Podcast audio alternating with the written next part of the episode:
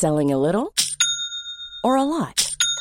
Shopify helps you do your thing however you cha-ching. Shopify is the global commerce platform that helps you sell at every stage of your business. From the launch your online shop stage to the first real life store stage, all the way to the did we just hit a million orders stage. Shopify is there to help you grow. Shopify helps you turn browsers into buyers with the internet's best converting checkout.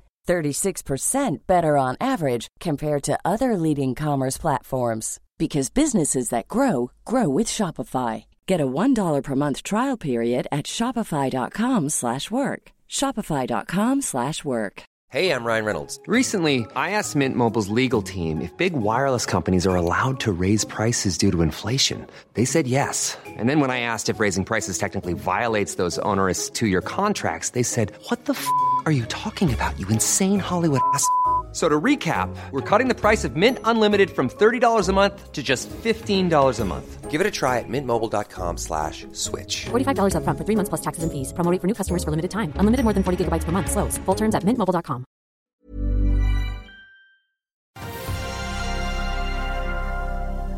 Rekorder hos Movi, rekorder hos Kitron og kostnadskutt hos Kjell Inge Røkke. Det er onsdag 15. februar. Velkommen til Børsmorgen.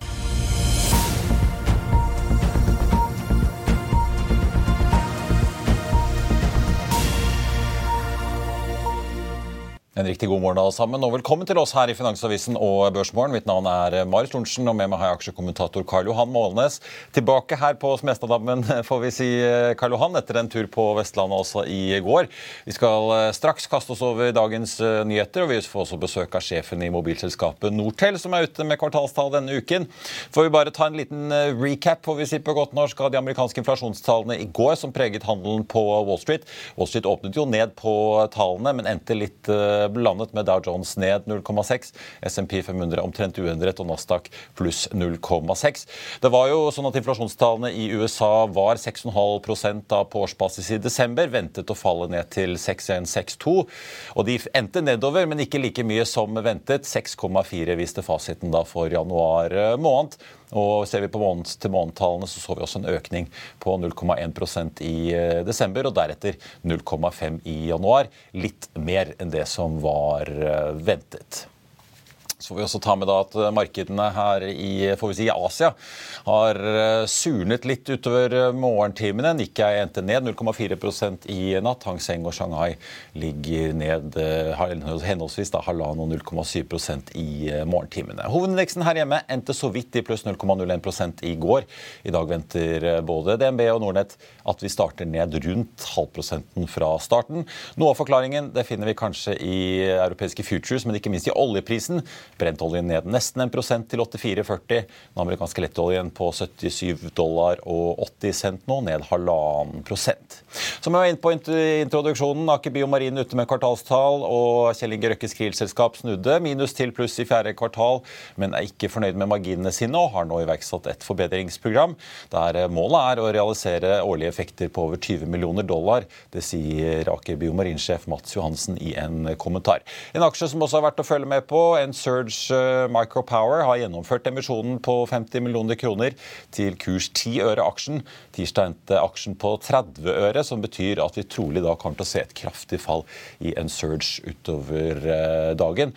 Pengene skal brukes til å finansiere drift og utviklingsarbeid fremover. Og så må jeg også slenge til de norske BNP-tallene som har kommet på morgenkvisten. De var jo sånn at norsk økonomi vokste 0,2 da i desember, ventet å gå ned til 0,1. Norges Bank ventet faktisk et fall på 0,4 i desember. Vi endte pluss 0,4, og mye av dette skyldes ifølge SSB bilsalget da på tampen av året, når alle prøvde å få inn så mange elbiler de klarte da før avgiftene til regjeringen slo inn 1.1. For øvrig verdt å merke seg, BNP for Fastlands-Norge økte samlet sett 3,8 eh, i fjor, målt i faste priser. Men inflasjonen har jo spilt litt får vi si, rulett med statistikken i det siste. Målt i løpende priser så er det en rekordhøy økning da i nominell BNP, som SSB påpeker, økte samlet sett 32,2 Karl Johan, vi må kaste oss over sjømat. Movi er ute med tall i dag. Tungvekteren til Jon eh, Fredriksen. Ja, øh, Rekorder? Ja da, men, men eh, det, inntektene var litt lavere enn forventa, selv om at resultatene er omtrent som, som guida. Så, ja.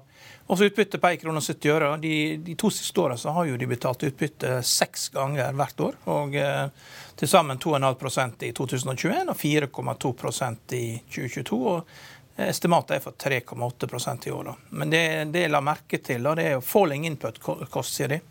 Og det er klart Fôrkostnadene er jo viktig. så det er jo... Ja, For det har vært noe bransjen har snakket mye om? Ja da, det ja. har vært eh, pågående tema i mange år. så det altså Stigende fôrkostnader og en svakere krone har jo vært veldig viktig da, for, eh, for de økte prisene. Det er klart Man skal ikke glemme det, selv om, selv om at det har vært mye økning i lakseprisen i kroner, så har jo krona nesten halvert seg mot eh, euroen. og det er jo, Man må jo liksom se dette i eurotermer. Så, og Du har jo PE da på 13 eh, for både 2022 og 2023, men her har jo du da her har man eh, forskjellige estimater på skatter, fra 15 helt til 40 Tradisjonelt sett så har disse aksjene gått på Det er liksom kun lakseprisen, altså faktoren du må følge med på. Det er alt annet og, som man har prøvd å analysere og prøve hva som forklarer aksjekursene. Det, det koker ned til prisen. Men nå faller jo input-kostnadene, faller fòrkostnadene. Det hjelper jo, da. Guida ganske bra på eh, Harvest for 2023. 484 000 tonn er bra. Ja, for de venter jo mer eh, slakt enn eh, ja. det de gjorde i fjor. Ja, ja så det er bra. Og, nei, så det er stedet angående. Det er klart her er det jo også mye skriverier. De skriver jo en del om lakseskatten, selvsagt. Det er jo viktig. Og det, de foreslår jo både man skal sette ned en kommisjon og ja. Litt av hvert. Men har du, har du inntrykk av at de holder litt igjen på utbytter og ting nettopp i påvente av en fasit på lakseskatten? Nei, egentlig ikke. Altså, hvis det estimeres 3,8% eh, altså Det er jo liksom going rate har vært 1,70 på, på uh, disse her kvartalsutbyttene. Det, det varierer fra ja, det er spesialutbytte liksom fra 0,40 og 0,51, og så er det liksom alltid fra 1 krone til 70. Så de, de, de, tar det kvartalsvis, eh, liksom, og pluss litt special dividends ettersom de ser behov. Så det, men det ender jo opp rundt 4 eh, eh, så det er jo ikke noe sånn gigantisk utbytte. egentlig. Det er bare at de fine-tuner det hele tida. Så lenge ja. du har den modellen, så, så, er jo de veldig fleksible til hva som måtte komme ut av lakseskatt. Det er, ikke, det er liksom ikke ett utbytte du bestemmer. Nei, det var det jeg skulle si. Ja. Da blir det jo litt jevnere gjennom året òg, hvis de ja. kan ja. Ja, det... Ikke må ta alltid en Men det er klart, eh, X-datoen for utbytte er 24.2, så man har fortsatt tid til å kjøpe aksjen inklusiv utbytte. Eh, men eh, kjøper du den 24., da er det for seint. Da er det for sent til festen. Ja. Da har man jo tid til å spole gjennom kvartalspresentasjonen et par ganger. i hvert fall. Ja. Eh, skal vi snakke litt om Kitron? Det er ikke så lenge siden det var eh, kvartals, eh, det er kapitalmarkedsdag i Kitron. her er det jo liksom rekorder egentlig på alle nivåer, virker det som. Selv om, selv om Kongsberg Gruppen er viktig kunde, så har de jo mange andre kunder enn det. Det eneste negativt er at resultatene er litt svakere enn forventa. Med 1813 i inntekter mot forventa 1853, og netto på 101 mot 116. og EPS 0,52 mot forventa 0,58. Men det er 9,1% margin. Aksjen har gått ti ganger når Petter Nilsson tok over, som var margin 2 og Han sa hvilken som helst idiot kan styre et bolag med 2% margin. og Han har jo levert i de grader. og Ordreboken er opp med 1,3 milliarder fra siste tre månedene. 6,1 milliard, og det er en dobling av, av, det som var for ett år siden. Guidance er uforandra, men her da er det, det 16 ganger EPS. Så, eh, på PE så det er ikke noen billig aksje, og det er heller ikke noe stort selskap. 6 milliarder i markedsverdi. så krigen må fortsette her for at dette skal være en god aksje. Så be careful what you wish for. Ja, Vi så jo Jens Stoltenberg eh, ja. sa at uh, uttakene, altså hvordan ventetiden på leveranser av ammunisjon øker jo bare. Så nå leverer jo Kitron elektronikk riktignok. Krig og helse som er hovedområdene. Da. Ja. Der, i, der er det det er gode marginer. og han, han, det er klart Peter Nilsson er en fantastisk flink leder når han klarer å ta et sånt selskap som var så lite, og liksom løfte det opp mot de 10% marginene som alle drømmer om. Da, ja. For et uh, industriselskap i Nord-Europa. Eh, ta med Kit. Det ser i hvert fall ut til at markedet omfavner Kitron-tallene veldig godt. Opp 6,4% fra start på Kitron. Movi opp eh, snaue prosenten, ser det ut som. Ikke så hyggelig for Aker Biomarin, ned litt over 3% på tallene. Og ikke overraskende så faller altså en Surge Micropower eh, de er ned nå 40% da, til 18 øre aksjen. Kjørte du emisjonen på 10 jeg legger til en ting med dividend yield på Kitron er bare 1,8% ja. Litt skuffende på utbytte, bare 50 ja, så da er det jo ganske Mot forventer 80 øre. da Mange, mange forventer 80 øre utbytte. Ja. de holder igjen på pengene, og, det er jo en, et tegn på at de kanskje vurderer å gjøre mer oppkjøp. da. Det er noe å holde utkikk eh, etter. Vi skal uh, følge med. Mange kvartalsrapporter som har kommet i dag. Akastor, uh, også et røkkeselskap, ute med sine tall. Forbedret lønnsomheten på tampen av året. Fikk en EBITDA, da, brutto driftsresultat, på 3 millioner mot minus 15 millioner i samme periode året før. Så vi også at netto rentebærende gjeld ble redusert med nesten en milliard pga. salg av preferanseaksjene i Oddfjell Drilling.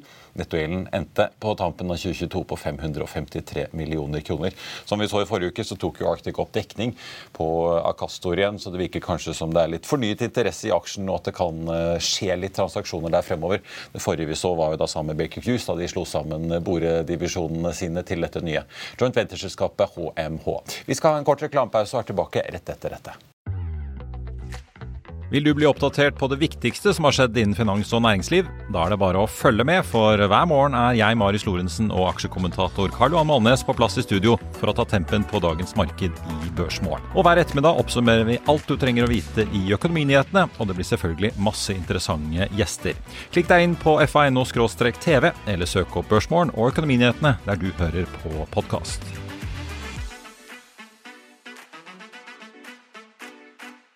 Velkommen tilbake. Et par eh, kjappe kvartalsrapporter før vi tar inn dagens gjest. B2 Holding fikk et driftsresultat på 303 millioner i fjerde kvartal, opp fra 267 i samme periode året før. Det var ventet 284, ifølge estimater fra Infrod. Styret foreslår et utbytte på 77 millioner kroner. Det tilsvarer da 20 øre aksjen og et tilbakekjøpsprogram i tillegg da på 161 eh, millioner. BT Holding starter opp drøye halvprosenten fra start på Oslo Børs, der hovedveksten altså er ned 0,2% Saptek, som vi har fulgt med etter at det ble klart at svenske, det svenske elsikkerhetsverket mener at laderen til konkurrenten Easy har alvorlige feil som kan føre til salgsforbud, kanskje ikke bare i Sverige, har jo da gitt Saptek litt uh, medvind. Elbilselskapet økte omsetningen med 29 i fjerde kvartal til 249 millioner kroner. Men veksten koster penger. EBT-en endte på minus 23 millioner. Ordreinngangen på 276 millioner, opp 85% sammenlignet med samme periode året eh, før, får vi ta med.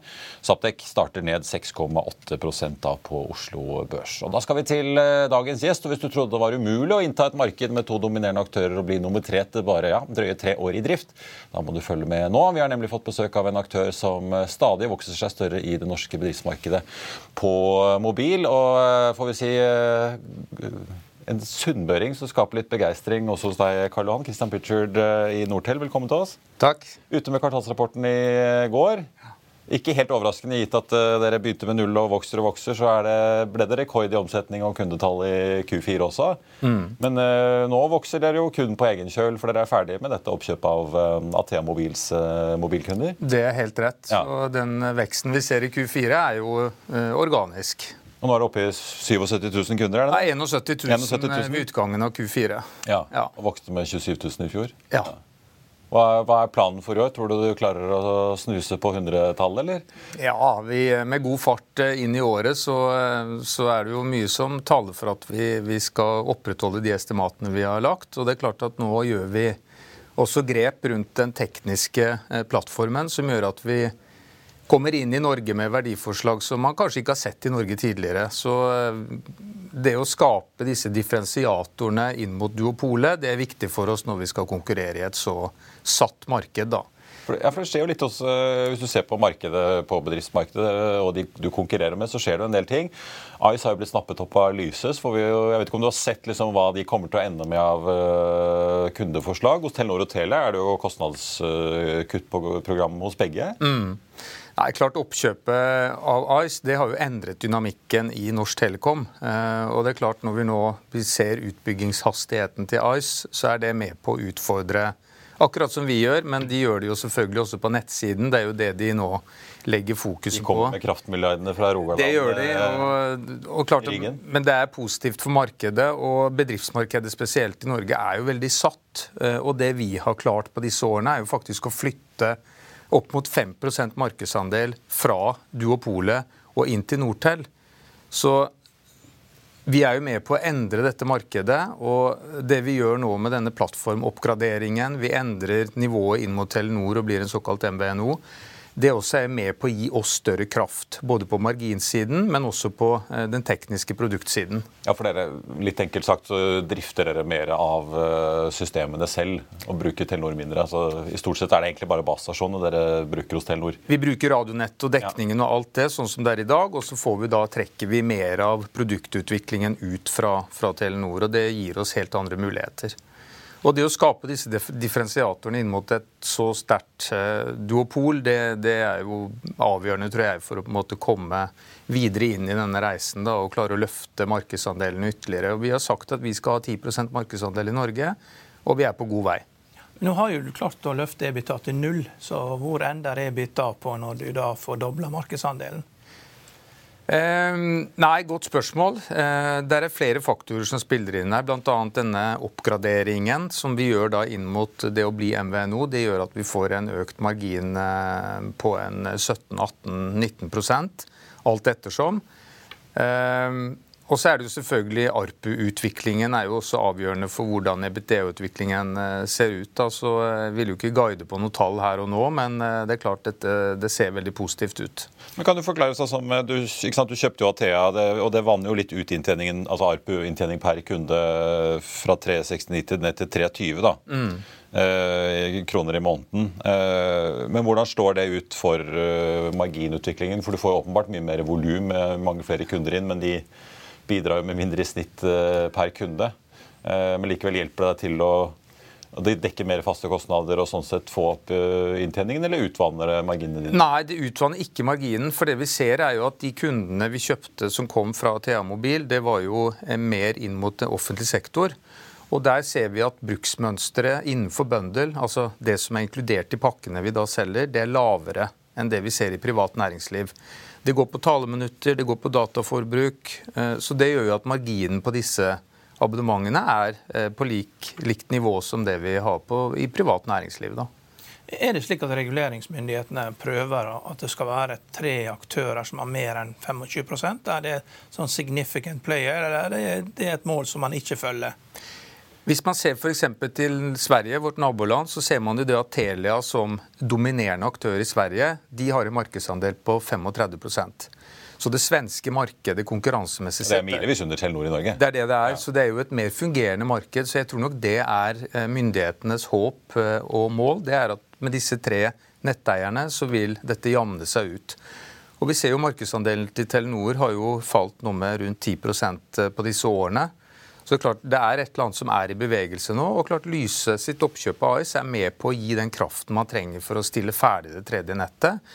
Og så åpner man jo da for at, sånn som reguleringen nå er på marked 15, altså mobilmarkedet, at vi som utfordrere faktisk får de rammevilkårene vi trenger for å, å ta vår rolle inn i, inn i det, inn det å være utfordrer uten å ha eget nett. da. Og Det er klart at det vi da fokuserer på, det er vekst, vekst, vekst. Og utfordre. Vi har ingen ansvar for å bygge dette nettet. Og det er jo selvfølgelig en fordel for oss. Eh, vi er i angrepsposisjon. De store aktørene de er i forsvarsposisjon. Og det er alltid morsomst å være i angrep. Men det er det å sette sånne interconnect rates som gjør at du får øke markedsandelen hele tiden, eller det er ikke sånne faktorer med på å spille? Nei, det vil jeg ikke si. Hiring for your small business? If you're not looking for professionals on LinkedIn, you're looking in the wrong place. That's like looking for your car keys in a fish tank. LinkedIn helps you hire professionals you can't find anywhere else, even those who aren't actively searching for a new job but might be open to the perfect role. In a given month, over 70% of LinkedIn users don't even visit other leading job sites. So start looking in the right place. With LinkedIn, you can hire professionals like a professional. Post your free job on linkedin.com slash people today. I'll see you in court. Vi sier det ofte litt på spøk, men for deg som driver business, er det aldri moro å innse at du ikke har laget en 100% gyldig kontrakt. Du bør ikke risikere hele firmaet ditt fordi du synes dette med kontrakter er litt stress. En avtale er ikke en avtale. Du kan miste kunder, miste venner, ja, til og med miste inntekter, om du ikke lager en skikkelig kontrakt, på alt mulig, egentlig. Men vi vet det er et styr kopimaskiner, tregprinter og haugevis av papir. Dessuten stoler vi jo på folk her i landet. Det er ofte litt kleint å skulle be om en signatur for alt mulig, ja, for mye av styret handler også om jakten på underskriften. Det finnes en enkel måte å løse dette på. Dukkobit. En trygg, effektiv og get this, gratis måte å sikre seg en god natts søvn pluss en juridisk bindende avtale. Dukkobit-appen har de strengeste sikkerhetskrav i bunn, samt en EU-godkjent og sertifisert teknologi. Framover vil det bli behagelig å spørre du, skal vi skrive under på det, eller? Kom i gang på dukkobit.no. Men det, det skjedde jo en ganske interessant deal eh, nå, var vel rett før jul. Telia går inn på eiersiden også i Fjordkraft. Ja. og får da Fjordkraft, eh, altså, så Fjordkrafteieren får da ut litt penger. De har jo slitt med kraftprisene. Eh, Elmera Group eh, får ut litt penger eh, som lindrer på smertene fra kraftmarkedet. Telia kommer inn på eiersiden, kjøper en post, og de får flyttet hele Fjordkraft Mobil over fra Telenor til Telia. Hva skjer noe lignende, altså Kan noe lignende skje i bedriftsmarkedet? At uh, det begynner å skje noe oppkjøp og flytting enten av deg selv eller konkurrenter nå fremover? Eller er det ganske sånn låst at nå er det Det er eh, Telia med sine Fonero og Telia bedrift, og så har du Isos Lyse, og så har du Telenor bedrift. Pluss deg, selvfølgelig. da. Ja. Ja. Nei, altså det, det er jo vanskelig for meg å svare på hvilke strategier disse store aktørene har, men det er klart at uh, Lyse utfordrer jo Telia i forhold til den nummer to-posisjonen. Uh, og Telenor er jo utfordret, så alle skal jo spise av andelene til disse store. Og eh, det å, og sånn som Notelia nå sikrer seg Fjordkraft, så er jo det enorme inntekter på wholesale, altså på grossist. Så at det kan skje bevegelser der. Og det har vi jo sett tidligere at det, det skjer jo ofte. Og det kan være blokkeringsstrategier for andre utfordrere. Og, så der er jo en dynamikk som, som naturlig kommer. Og det ser man jo også av historien som har vært i, i Telekom, både i Norge og, og resten av Europa. Hva er det det konkurrerer på i bedriftsmarkedet om dagen? Da? Dette har jo vært kjempeviktig for Telenor. Det virker nesten viktigere enn privatmarkedet. De vil kanskje ikke innrømme det selv, men der har de jo vært villige til å slippe mer kunder eh, over til konkurrenter enn i bedrift. Virker de jo veldig aggressive på hele tiden passe på markedsandelen sin. Men går det mye på pris, eller er det andre tjenestetilbud som jo de store også snakker veldig mye om å koble mer og mer skytjenester, altså sikkerhetsløsninger og alt mulig annet rundt selve konnektiviteten? Det er jo det å skape denne stikkenessen Det er jo viktig for alle aktørene her. Ehm, og klart at eh, Telenor har jo relativt høye ARPU-nivåer. Eh, så klart, eh, Men Telenor har et godt brand, og det, det, det, det gjør jo at kundemassen er lojal.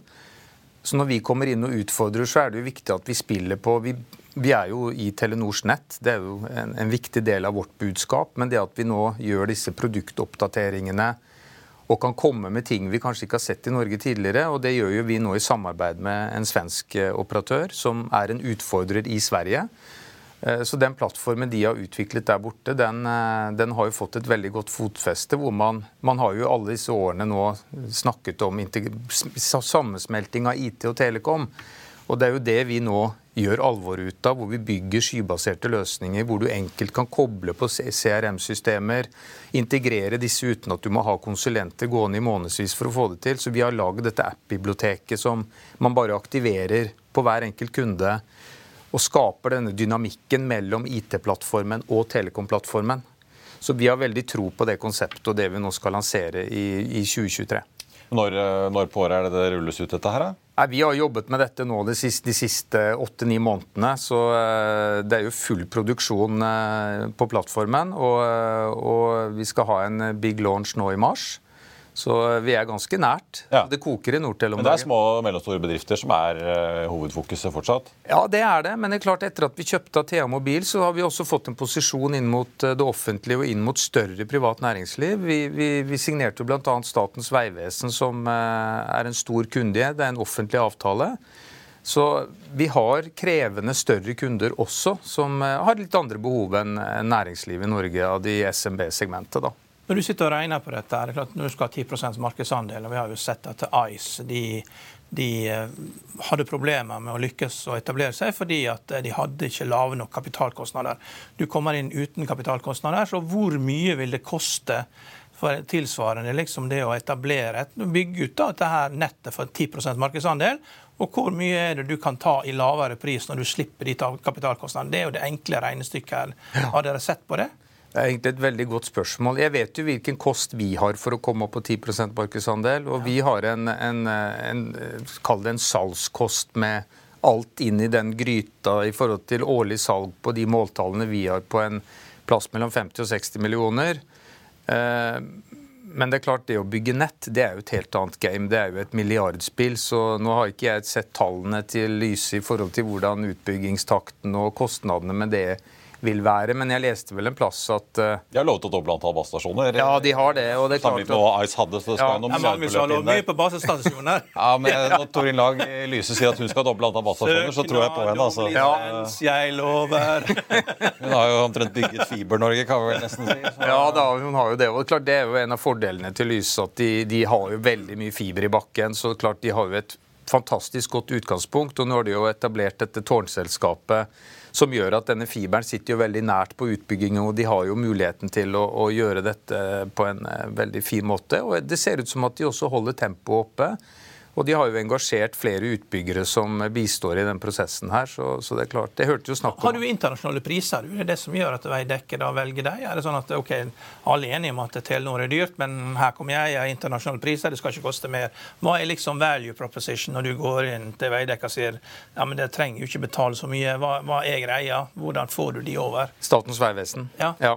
Uh, nei, altså det, det, Dette er jo offentlig anbud, så der må vi jo på en måte spille på de reglene som er satt uh, i forhold til det å besvare opp offentlige anbud. og Der også skal du jo ha papirene i orden. Det er jo anbud hvor du krever bl.a. at du skal, ha, du skal være miljøfyrtårn-sertifisert, du skal ha interne rutiner og prosesser på plass som du må dokumentere. Og så er det jo prisbildet og evnen vi har til å løse problemstillinger som måtte oppstå. Og dette også må jo dokumenteres. Så det er jo vektinger basert på pris eh, og alt det som kommer i tillegg rundt løsningsgrad på ulike problemstillinger. Eh, men der er vi i hard konkurranse, spesielt med Telia og Telenor da, på disse anbudene. Litt om eh, året som kommer. da, for jeg så jo På tampen av 21 blir det da, når det gjelder å huske i fjor og forfjor, ja. der, eh, så snudde dere jo, så driften gikk jo i pluss. Det gjorde den også i hele fjor. Eh, genererte jo 25 millioner i kontantstrøm. Men så gikk det jo veldig mye ut på investeringer. Jeg antar veldig mye av de 146 millionene var til Athea-oppkjøpet. Ja. Men dere kjørte jo og hentet penger i fjor våres, var det vel, for å få inn penger til å finansiere det? Det er helt rett. Men du har ikke mer enn 15 millioner på konto nå ved nyttår? Nei, men vi har... Klarer dere å holde, Må dere kjøre en emisjon til nå i år før liksom dette genererer nok kontanter til å finansiere seg selv? Altså, Vi overvåker jo det her kontinuerlig. Eh, og vi har jo 20 millioner ubenyttede fasiliteter eh, hos vår bankforbindelse i tillegg. Så vi har jo ved utgangen av kvartalet så hadde vi jo rundt 35 millioner eh, i disponibel likviditet.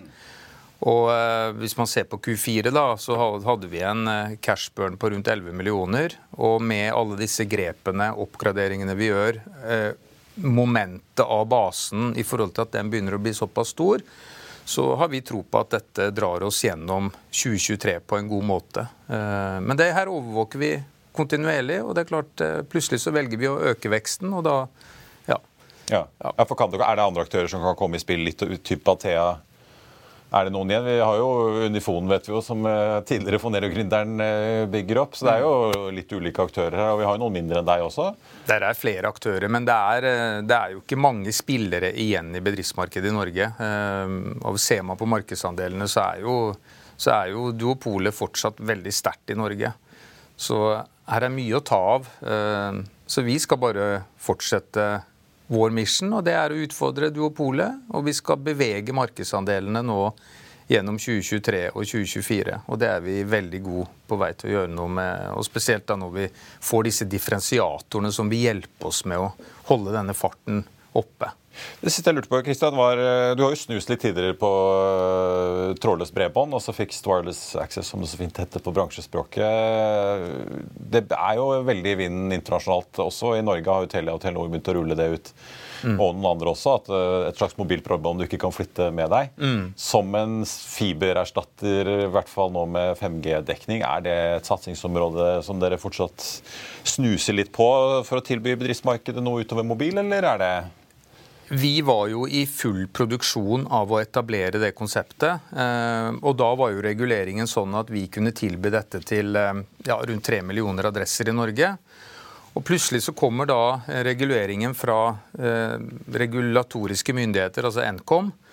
Og begrenser dette til 140 000 adresser. Så det gjorde jo at hele segmentet og den markedstilgangen vi så innenfor Fixed Wireless, den falt jo egentlig litt i grus.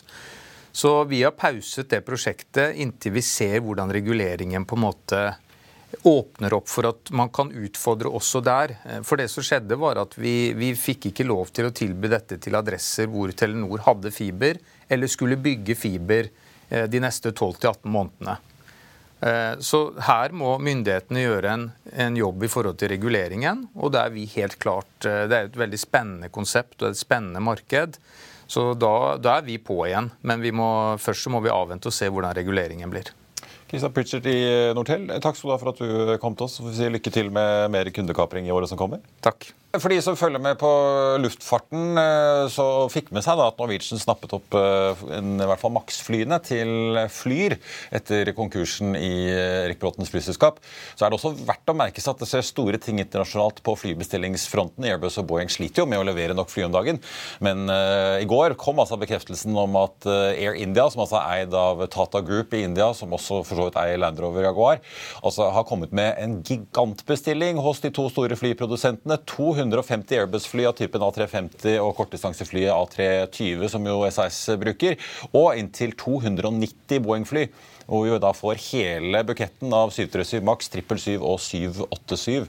Så det skjer store ting i verden. Air India åpenbart da ønsker å utfordre Gulf-selskapene, som eh, jo mange har sett veksten til de siste eh, årene.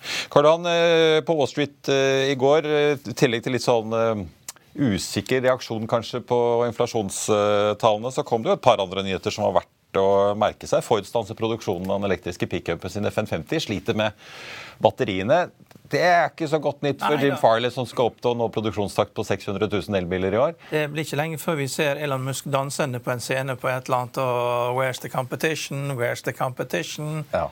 Så, Var ikke det her Ford trengte? De annonserte jo for så vidt nedbemanninger i Europa i går på over 3000. ja.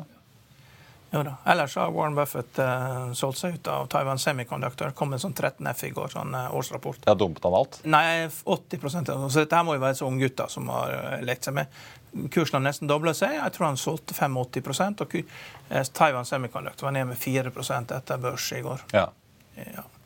Du, du, skrev om uh, Grandiosa Orkla alt på å si, kommentaren ja. i dag. Men ja. uh, altså det voldsomme kursfallet til Orkla, som jo kollegaer også skriver i avisen i dag, så Orkla reagerer jo veldig ofte ganske kraftig på disse kvartalsrapportene sine, men likevel, de var ned rundt 9% nesten på det verste i går. Endte ned altså 6,4. Vi var, jo, ganske var, dag. Vi, vi var jo i Bergen i går, og ja. det var litt vanskelig å skrive der. Men jeg at, hadde jeg hatt tid, da skulle jeg gått gjennom den videoen og talt hvor mange minutter gutta satt med armene i kross. Altså. Det er ikke morsomt, dette her. Eh, hadde vi sittet sånn i studio, Marius eh, Det ser ikke bra ut å sitte sånn. Eh, ja, måtte ha solbriller, tror jeg. Ja. ja, det er ikke bra. Så det er jeg tror nok planen er lagt. Eh, han var veldig klar på at du skal kutte kostnader. Du hadde jo tolv porteføljeselskaper, men han sier at alle porteføljeselskapene skal bli omtrent like store. Så det ligger jo i kortet at det blir færre selskaper. Men det er klart du kan ikke staffe opp eh, mange porteføljeselskaper med fulle nye ledelser, med lederlønninger og, eh, og, hele nye styrer. Altså, du kan ikke liksom la ta NSB og lage 40 eh, nye direktører og, 40 nye styremedlemmer. Altså, du er helt sikker på at du skal kutte en milliard i kostnader. Det må jo bety at det er mange ting her de har tenkt å selge. Og Vi går jo gjennom litt av den økte konkurransen som kommer. og det er jo litt sånn i, Norge at vanene er ganske like. da, og, og, Det er liksom den som har produktet som er i midten, som vinner. ikke sant? Det er Hotellene er i midten, maten er i midten. I andre markeder er det sånn ting er enten helt forferdelig, det er Hershey-sjokolade som smaker som stearinlys, og så er det eh, Toyshers chocolate, eh, champagne truffles i andre enden, som er ti ganger bedre enn Jakobs. Altså, det er så ekstreme ting da i Norge. så er liksom det er Freia og Nidar er så like. da. Og det er klart Når du, når du har produkter det er at du, du har liksom merkevarer der du ikke klarer å skille kvaliteten fra privat, private labels, så er det ikke merkevarer, det er hyllevarer. Og hyllevarer det er spesielt farlig for private labels, for da kommer butikken bare sjøl og bare rydder det ut. Så det er, Og så har du fått alle billigbutikkene som er normale og sånn. De kommer med masse billige eh, vaskemiddel og sjampoer og alt mulig rart. Og, eh, og korona har jo da stimulert til veksten av, av, altså et, et, av verdens mest kjente merkevareselskap, Reckitt, som heter Reckitt Benkis. før, var vi på vei ut av vaskemidler. Så kom korona, og så er det Lysol. Du har en vaskefeber som går. Enorm kapasitet som er bygd på vaskemidler. Dette kom jo inn da bakveien til, de, til Norge gjennom sin normalbutikken og sånn. Du kan jo bare stikke huet inn der, og så ser du det står jo masse folk der og står og plukker disse varene. Det går jo på markedsandeler. Du trenger ikke reise til Sverige for å kjøpe ting som er billig.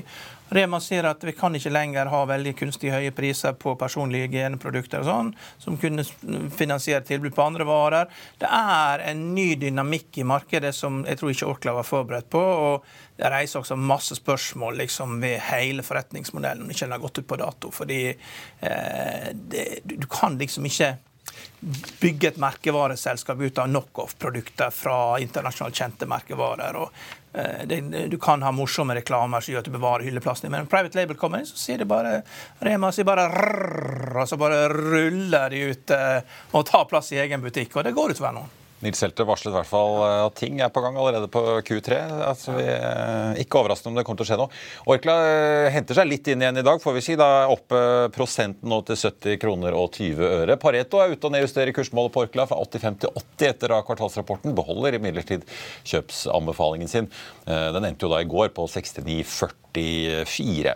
Ellers blant uh, selskapene som har kommet med kvartalstall i dag, Movi er nå ned 1,2% Kitron holder fortsatt stand, opp 6% på sin kvartalsrapport. Aker Biomarin ligger fortsatt og ja, vaker rundt minus 3 da, på sin uh, kvartalsrapport, hvor de varsler kostnadskutt. Akastor er så vidt i pluss. B2 Holding opp 1,2 Saptek ned 4,4 Og så har vi en Surge da, som fortsatt ligger ned eh, nesten 40% på drøye 18 øre etter emisjonen eh, der.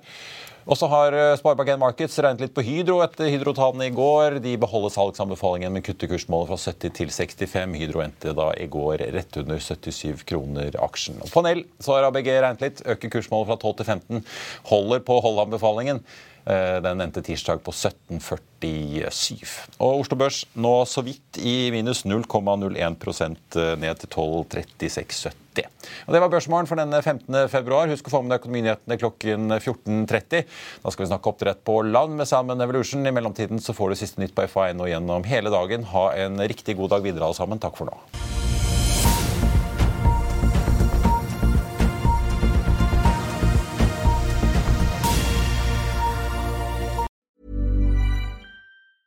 Hey, it's Danny Pellegrino from Everything Iconic.